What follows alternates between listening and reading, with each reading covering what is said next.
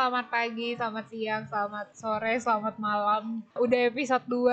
Ya anjir. Ternyata kemarin lumayan yang dengerin. Terima kasih untuk semua Yang dengerin yang dengerin sama Yang ngasih feedback, ya, kasih saran. kasih saran. Ada yang request juga. ya ada nantilah. yang request nanti kita pikirkan kita Kita elaborate dengan lebih sopan lah karena kadang yang keluar dari mulut itu nggak cukup sopan masuk telinga coy. terus Jadi harus kita riset dulu apakah Iya. benar gak pendapat-pendapat kita apa Mm-mm. enggak gitu kan makasih juga yang udah kasih evaluasi. evaluasi udah kayak acara Evaluasi ya iya dievaluasi thank you. Biar biar nanti kita coba pikirkan supaya bisa lebih baik. ya sekarang apa ya Nggak gini-gini. Gua tuh lagi pusing. Gua lagi kepikiran sama sesuatu yang sedang banyak terjadi apalagi masa tahun ajaran baru J. hmm, kenapa tuh soal strata dalam dunia pendidikan yang bicara soal oh kalau anak lo masuk negeri itu akan jadi sangat keren itu atau anak lo masuk PTN itu akan menjamin lo sukses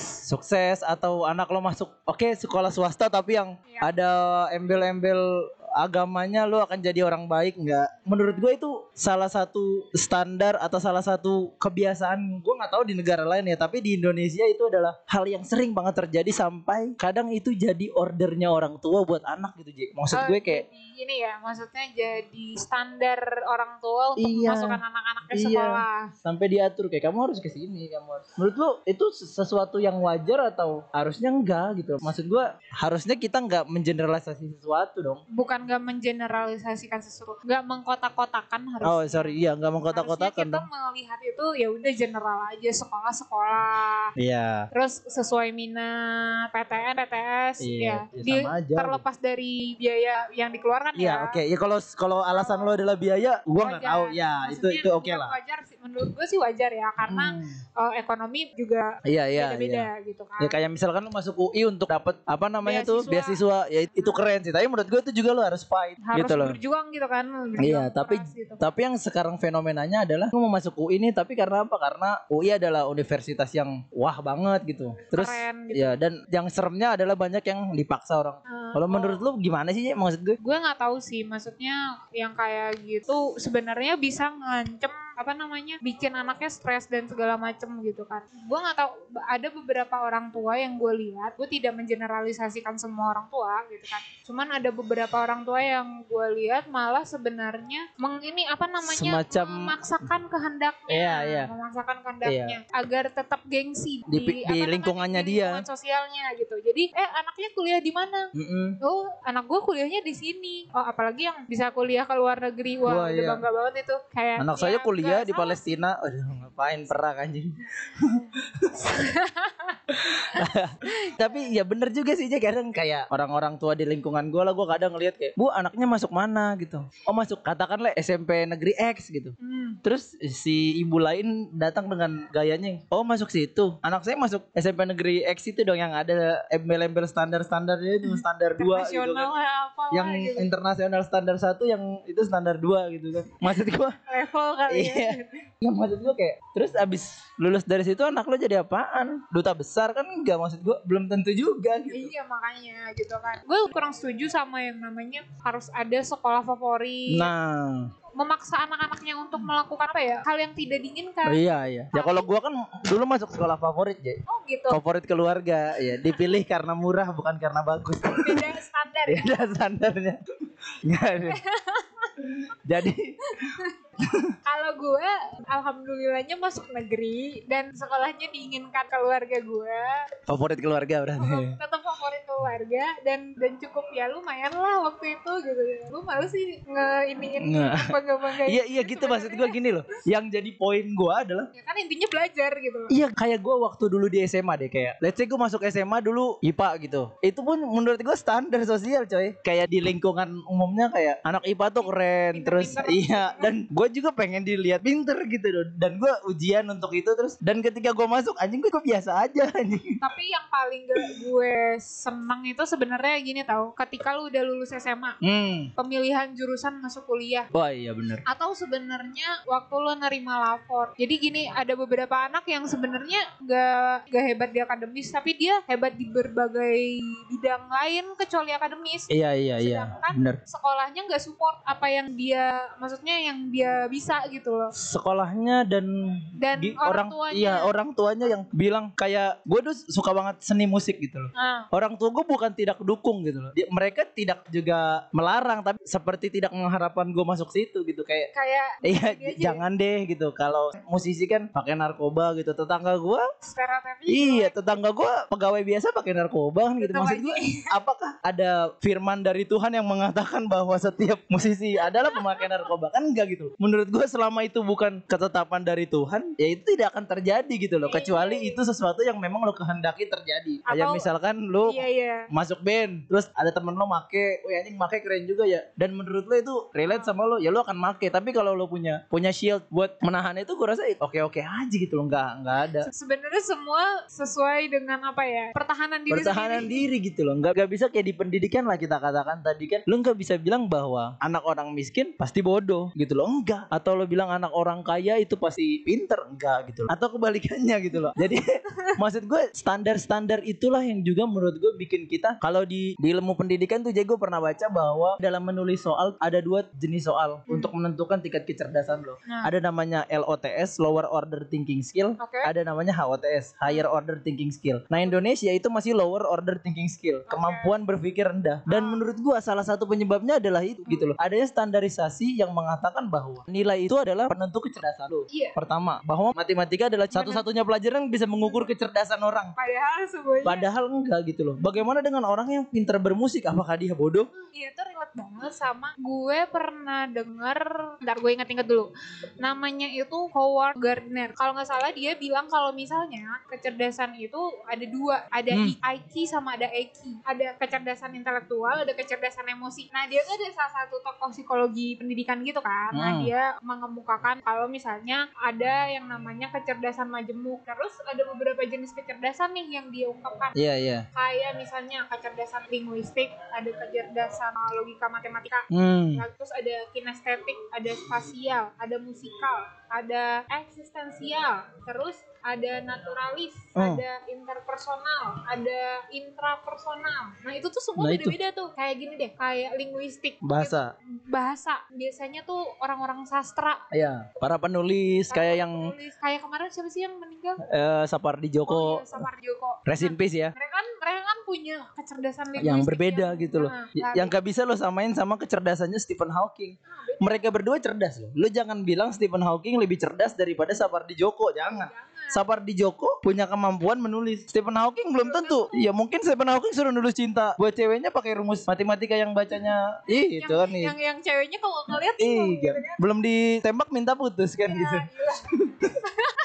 Gue hidup sama lo mau jadi apa sih kan gitu. semua angka-angka semua Iya. gitu. nah terus ada musikal nih ya Hmm. kayak ya, Mozart. kayak lu gitu apa sih, seneng sama musik dan segala macem gitu Hmm. kan ngerti musik bisa belajar musik otodidak nah Hmm. itu kan bentuk dari kecerdasan kecerdasan. Bagaimana dengan orang-orang yang tiba-tiba dia di sekolah nggak nyaman terus gua gua dulu pernah magang gitu di satu sekolah ngajar gitu. BT- BTW gue backgroundnya pendidikan. Gua magang dan ada satu anak yang dia jago banget nulis dia sumpah. Dia tuh kalau diasah dia jadi sastrawan gue yakin. Dia nulis gitu. Gue pernah ngasih dia tugas coba lu tulis sajak tentang tembok gue bilang. Dia nulis dan itu keren banget demi apa pun. Tapi di kelasnya dia tuh selalu dikucilkan karena dia stupid on matematik. oh iya Terus gurunya bilang ini anak berandal. Terus gue gue salah satu penyuka seorang seniman namanya Alip John. Nah. Alip John itu dia eh, kalau lo boleh googling ntar, wah pokoknya orangnya eh, googling orangnya sangat tidak seperti orang cerdas. Tapi biar lo tahu dia salah satu pelukis paling hebat sas Oh iya. abstrak abstrak di Indonesia sekarang gitu loh. Dan si anaknya ini tampilannya tuh kayak gitu urakan gondrong, hidupnya semaunya gitu. Tapi begitu dia pegang pulpen, ya kekuatannya di situ menurut gue. iya iya Apakah itu dibilang bodoh kan enggak gitu loh. Iya enggak. Oh, masa iya orang bisa nulis bisa Iya. kata dibilang bodoh gitu Iya. kan. Ya menurut gue tuh kecerdasan bisa beda-beda gitu. Hmm. Jadi gak cuman ya lo hebat matematika, fisika, kimia atau lo bisa akuntansi, enggak enggak yang kayak gitu gitu. Tidak ada maksud Bahkan gue. ketika jago buat menanam sesuatu, Nah, nih lo nanam iya, satu iya. stroberi bisa hidup, bisa bisa apa ya? Itu bisa berkembang jadi banyak gitu kan. Terus stroberinya jadi Iya. bagus. Itu tuh sebuah kecerdasan, kecerdasan naturalis. Nah, oh kayak bokap gua tuh anjir. Iya, Bokap gua nanam apa aja tumbuh. Tetangga gua kayak ditanam tumbuh tuh. cuman apa ya cuman nyebar benih doang itu bisa tumbuh Ih, kayak itu bentuk dari kecerdasan Kayak kakek-kakek kita di kampung sana kan, Iya. gimana dia bisa menanam tanah seluas itu tanpa perhitungan matematik, Heeh, terus tanpa- jadi semua. iya jadi semua kan Kan tanpa- keren banget. tanpa apa ya tanpa ngitung hari Iya. dan segala macem gitu Iya, maksud gua, punya Apakah ini itu bisa dibilang orang Bisa kampung yang tidak pinter matematika itu? Lo bilang lebih bodoh? Eh, dibilang tidak cerdas Iya. gitu kan. Maksud gua gitu. Nah itu sebenarnya bentuk dari standar standar sosial yang ada di dalam dunia pendidikan.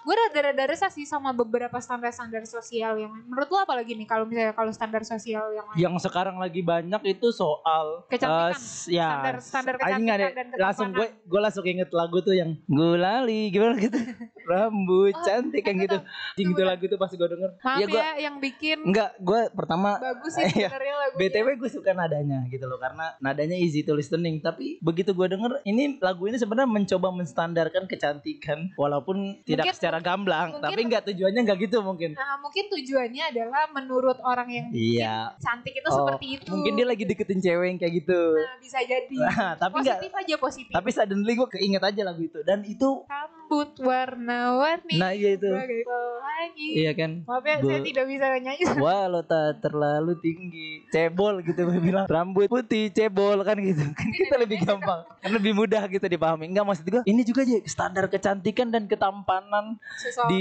seseorang Gitu loh kayak Kalau Cantik dagun, itu? dagunya tirus yang putih, Yang putih Yang semampai. Heeh, yang kayak di lagu itu gigi kelinci. Waduh, memang kalau gigi Dracula kenapa? Bisa nyari duit? Mendarah, ya kan? Coba yang giginya Dracula kerja di PMI coba dibantuin. Iya, Iya kan, iya. ya. Donor darah kan.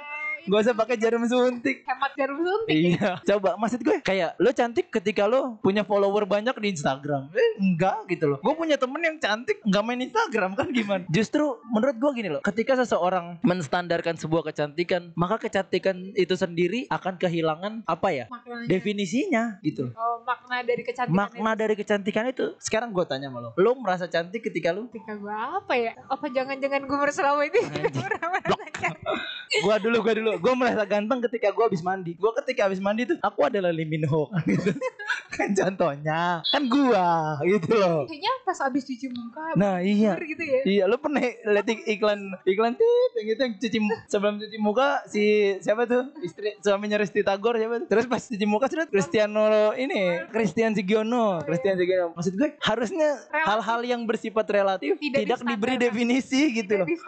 Kan. Iya, gue suka sama teorinya si Einstein gitu loh bahwa segala sesuatu itu diukur berdasarkan eh, siapa lo kayak lo bisa aja bilang satu menit di tungku api terasa satu jam, tapi satu jam bersama wanita cantik akan terasa satu menit. Itu kan relativitas. Iya, waktu mah relatif. Waktu, iya, perspektif juga relatif. Banyak kok yang relatif-relatif kayak gitu. Kayak oh kayak yang sekarang lagi rame yang di ini di Instagram. Instagram. Terlepas dari apa yang terjadi ya, J. Hah? Gua nggak tahu bagaimana orang memandang, tapi yang jadi sorotan gua adalah bagaimana fenomena setelah fenomena itu, ngerti gak lo? Maksud gua, apa yang terjadi setelah video itu keluar adalah hal Sorry itu keluar. Hah? adalah hal yang sama sekali nggak diduga-duga, J. Maksudnya akan banyak hal yang terjadi setelah itu. Iya. Let's say, nih gue sebelum masuk ya, mungkin 2-4 tahun lalu lu masih inget ada cerita dua pasangan muda kepergok ke dalam satu kosan, nggak ngapa-ngapain, Hmm? Cowoknya nganterin makanan buat ceweknya, Nah, pasangan tapi. iya, pasangan. Itu diseret cowoknya sampai hampir meninggal. Oh iya. Terus orang-orang ngejudge cowoknya. Dia bilang ngapain laki-laki nganterin makanan Ke tempat cewek. ke tempat cewek di kosan. Ya terus nganterinnya gimana? Pakai ini tenung kan nggak mungkin.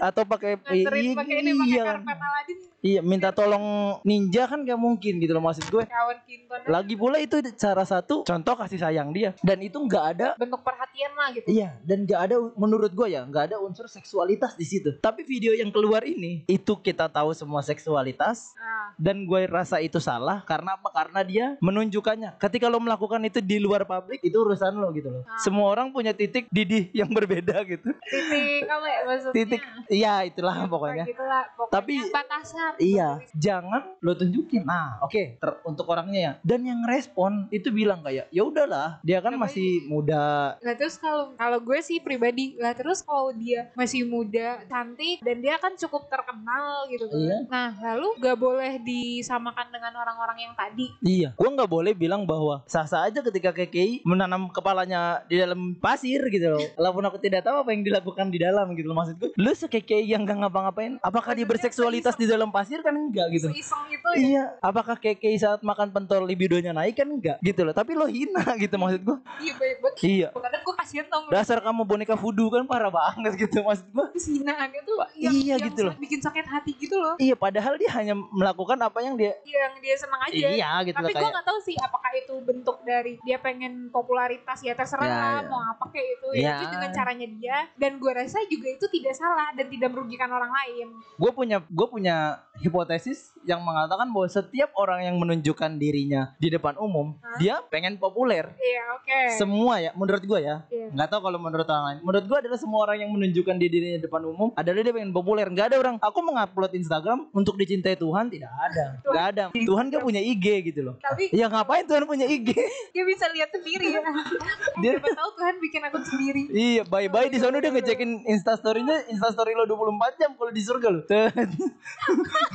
bye-bye lo gitu loh maksud gua. Kenapa gitu? Kenapa ada apa ya namanya ya? Judgement yang dipilih-pilih gitu loh. Untuk orang seperti ini lo boleh hina, untuk orang yang lain lo harus maklum gitu loh. Iya iya iya betul juga ya. Maksudnya kenapa? Karena orang ini terlihat bagus Iya. terus lu memaklumi apa yang salah dari dia gitu. Padahal sebenarnya ini dapat merugikan orang lain di ke depannya. Maksudnya Iya. ada efek untuk masyarakat di depannya gitu. Iya, kayak beberapa kasus yang terjadi soal kekerasan seksual. Ah, itu masalah perempuannya aja pakai baju pendek lah. Emang kalau kamu konakan, kamu gampang sangean, jangan cari-cari perempuan begitu. Jangan disalahin perempuannya gitu loh. Salahin pakaian. Iya, pun perempuan jangan salahin laki-lakinya. Kenapa? Karena memang ada aja perempuan yang membuka dirinya memang nggak tahu tujuannya apa iseng aja mungkin. Jadi Ya karena dia suka aja. Iya, tolong maksud gue gini, no. ini kan perspektif. Perspektif itu yang tadi kita bilang gitu loh. Itu sifatnya relatif. Kita nggak bisa mengontrol Nah, perspektif orang juga. lah iya, kita nggak bisa juga. Dan jangan juga perspektif orang lo bilang salah gitu loh. Dengan bilang bahwa misalkan ada satu orang bilang, ini perbuatannya si A yang instastory itu salah. Terus datang dengan argumen lo bilang, ya nggak salah dong. Namanya dia begini nama yang enggak dong. Salah ya salah gitu loh. Hmm, oke oke oke. Paham paham. Tapi gue nggak tahu sih kalau menurut lo itu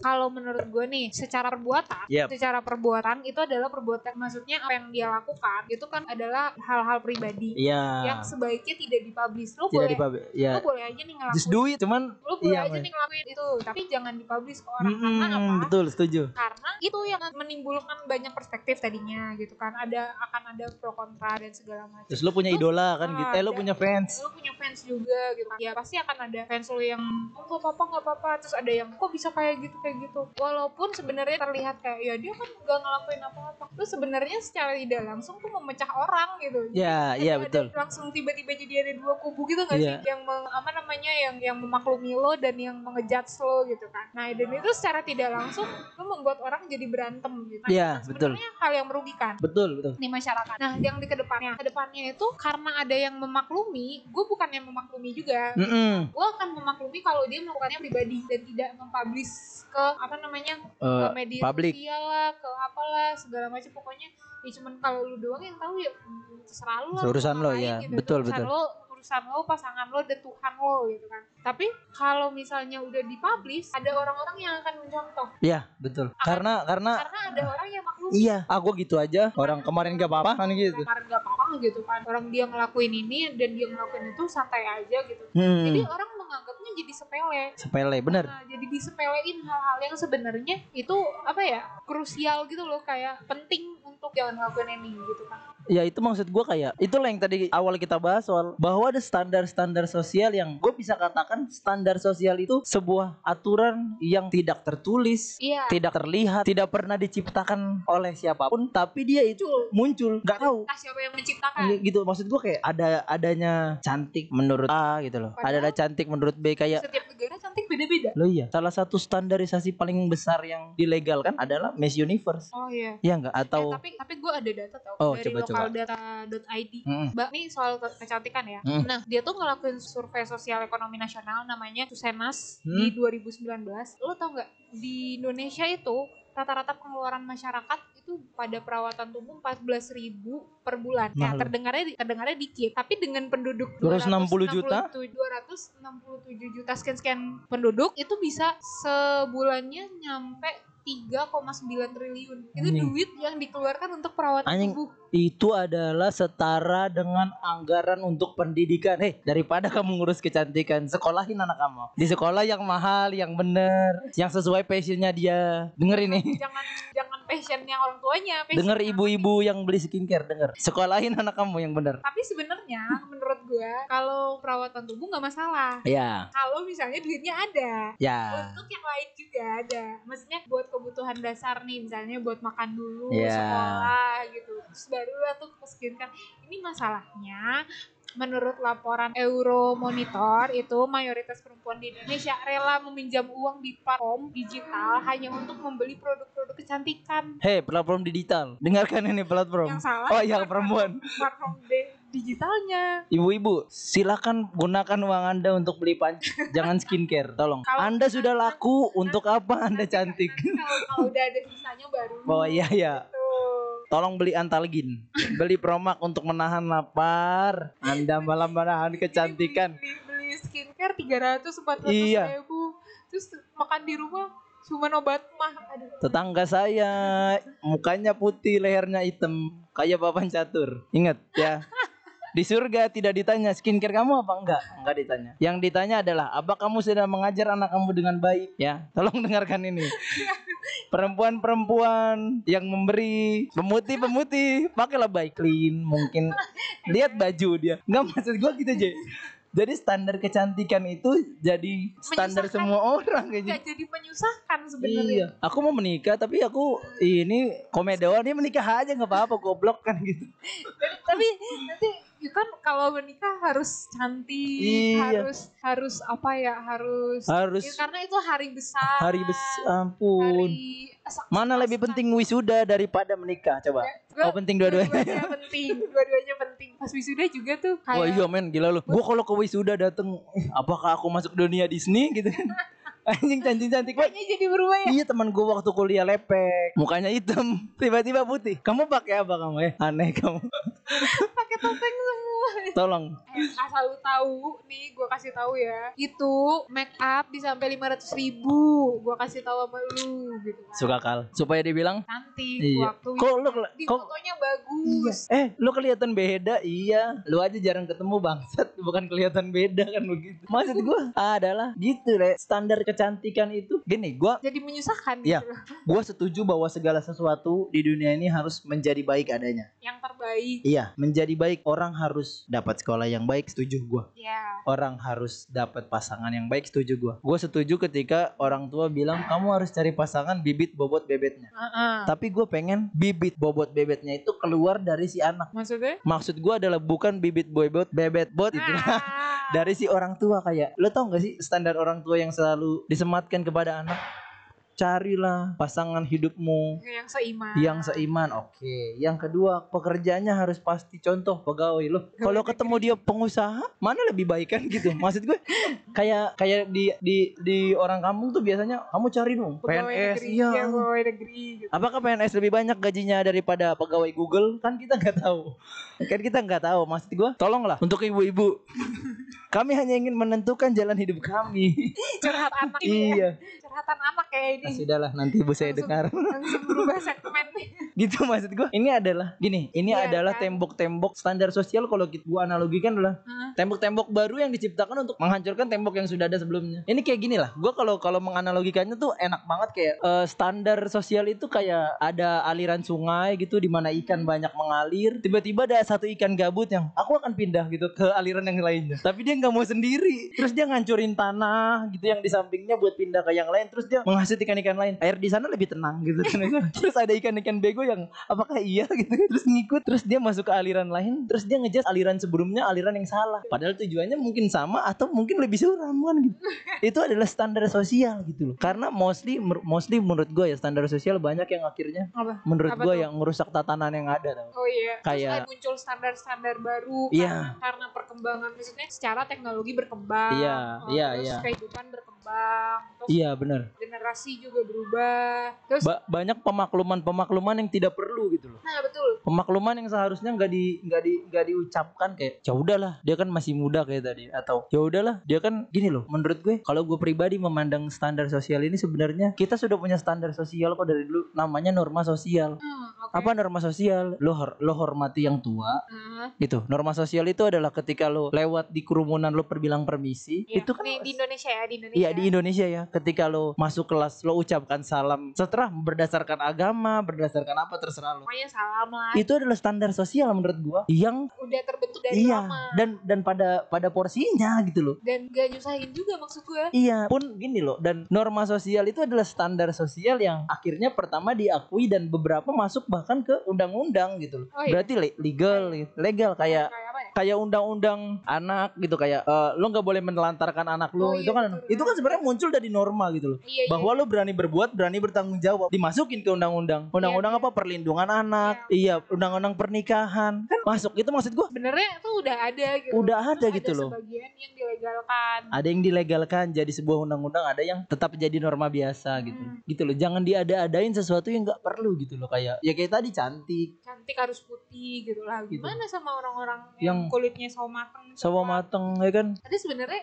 mereka juga cantik gitu. loh. kuning-kuning tokai gitu kan ada nggak sih kulit kuning tokai Ada. bau gitu deketin bau gitu enggak enggak ada bego Jangan ngada-ngada lu.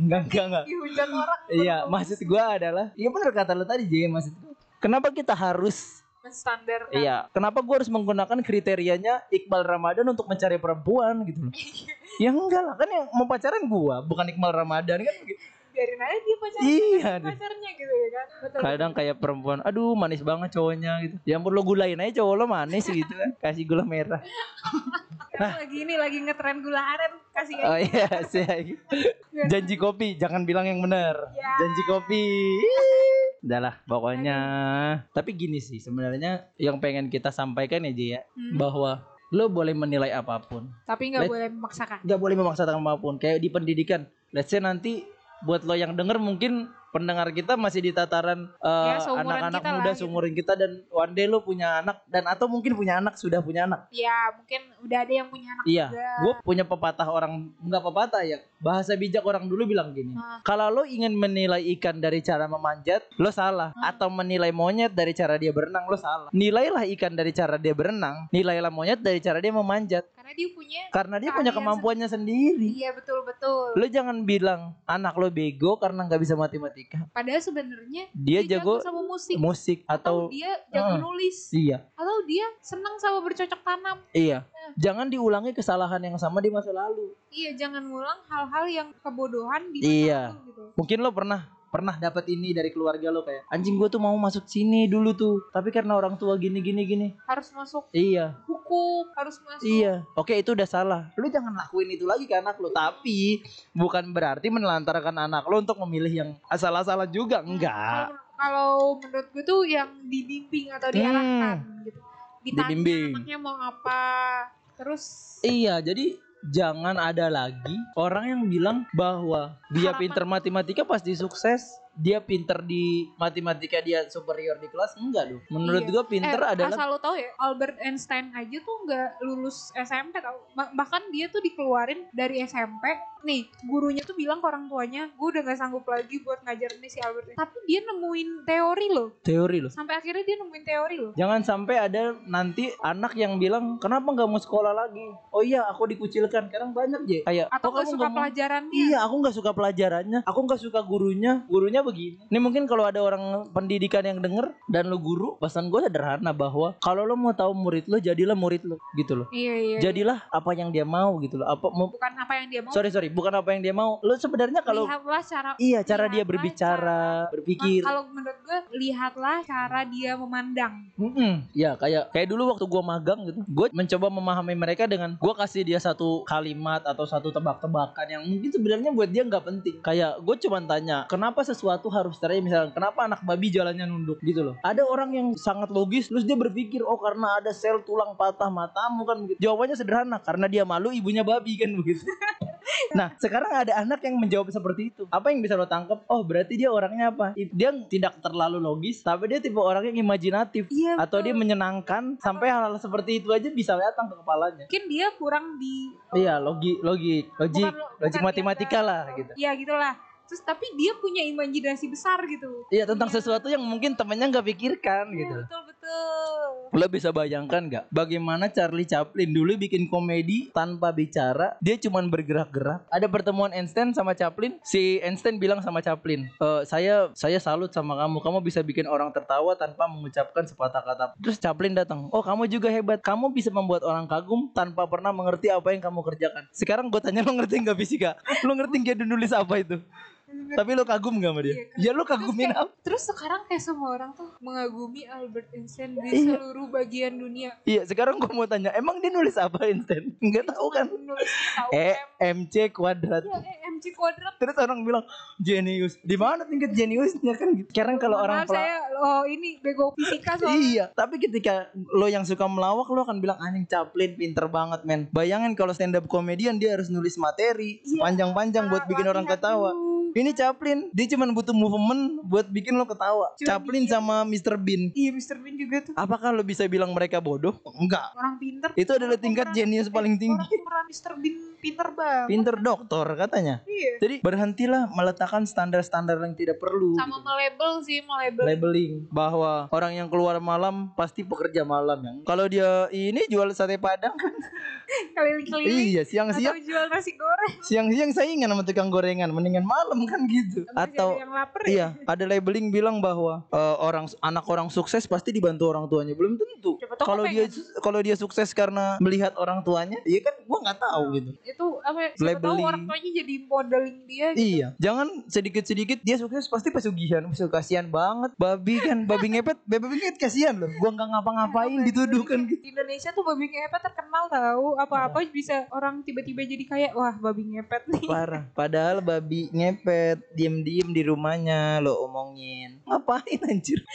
makin lama nih udah makin gak jelas. Karena memang gini lah, gini sih. Ya mungkin ini harapan lah. Ini harapan lah bahwa Semoga semoga ke depannya semakin banyak orang yang menyadari kemampuannya pertama. ya Karena standar sosial bisa berlaku umumnya pada orang-orang yang tidak percaya diri dan tidak mengerti potensinya gitu. Iya iya iya. Sehingga ketika orang bilang yang ganteng adalah yang pintar menyanyi, maka dia setuju. Karena dia nggak punya kemampuan dan dia nggak punya pembelaan untuk bilang enggak. Gak ada menurut yang gua. ikut dia bilang Iya, dia nggak. ganteng juga gitu. Mungkin ketampanannya terletak pada saat dia melukis, tapi Bisa dia nggak tahu itu. Sehingga ketika dia bilang tampan adalah pintar menyanyi, dia setuju. Coba aja kita bilang bahwa ya. Dah iya, kayak gua dulu bilang, yang keren tuh kalau lu bisa matematika. Loh, apakah matematika bisa bikin instrumental sendiri di musik kan belum tentu. Tolonglah, ibu-ibu yang tadi beli skincare ya, anaknya diajarin, tolong. Ntar aja beli skincare-nya. Iya, mungkin segitu aja kali J. Iya udah. Pokoknya Thank you. pesannya itu dah. Iya, thank you buat yang tetap dengerin.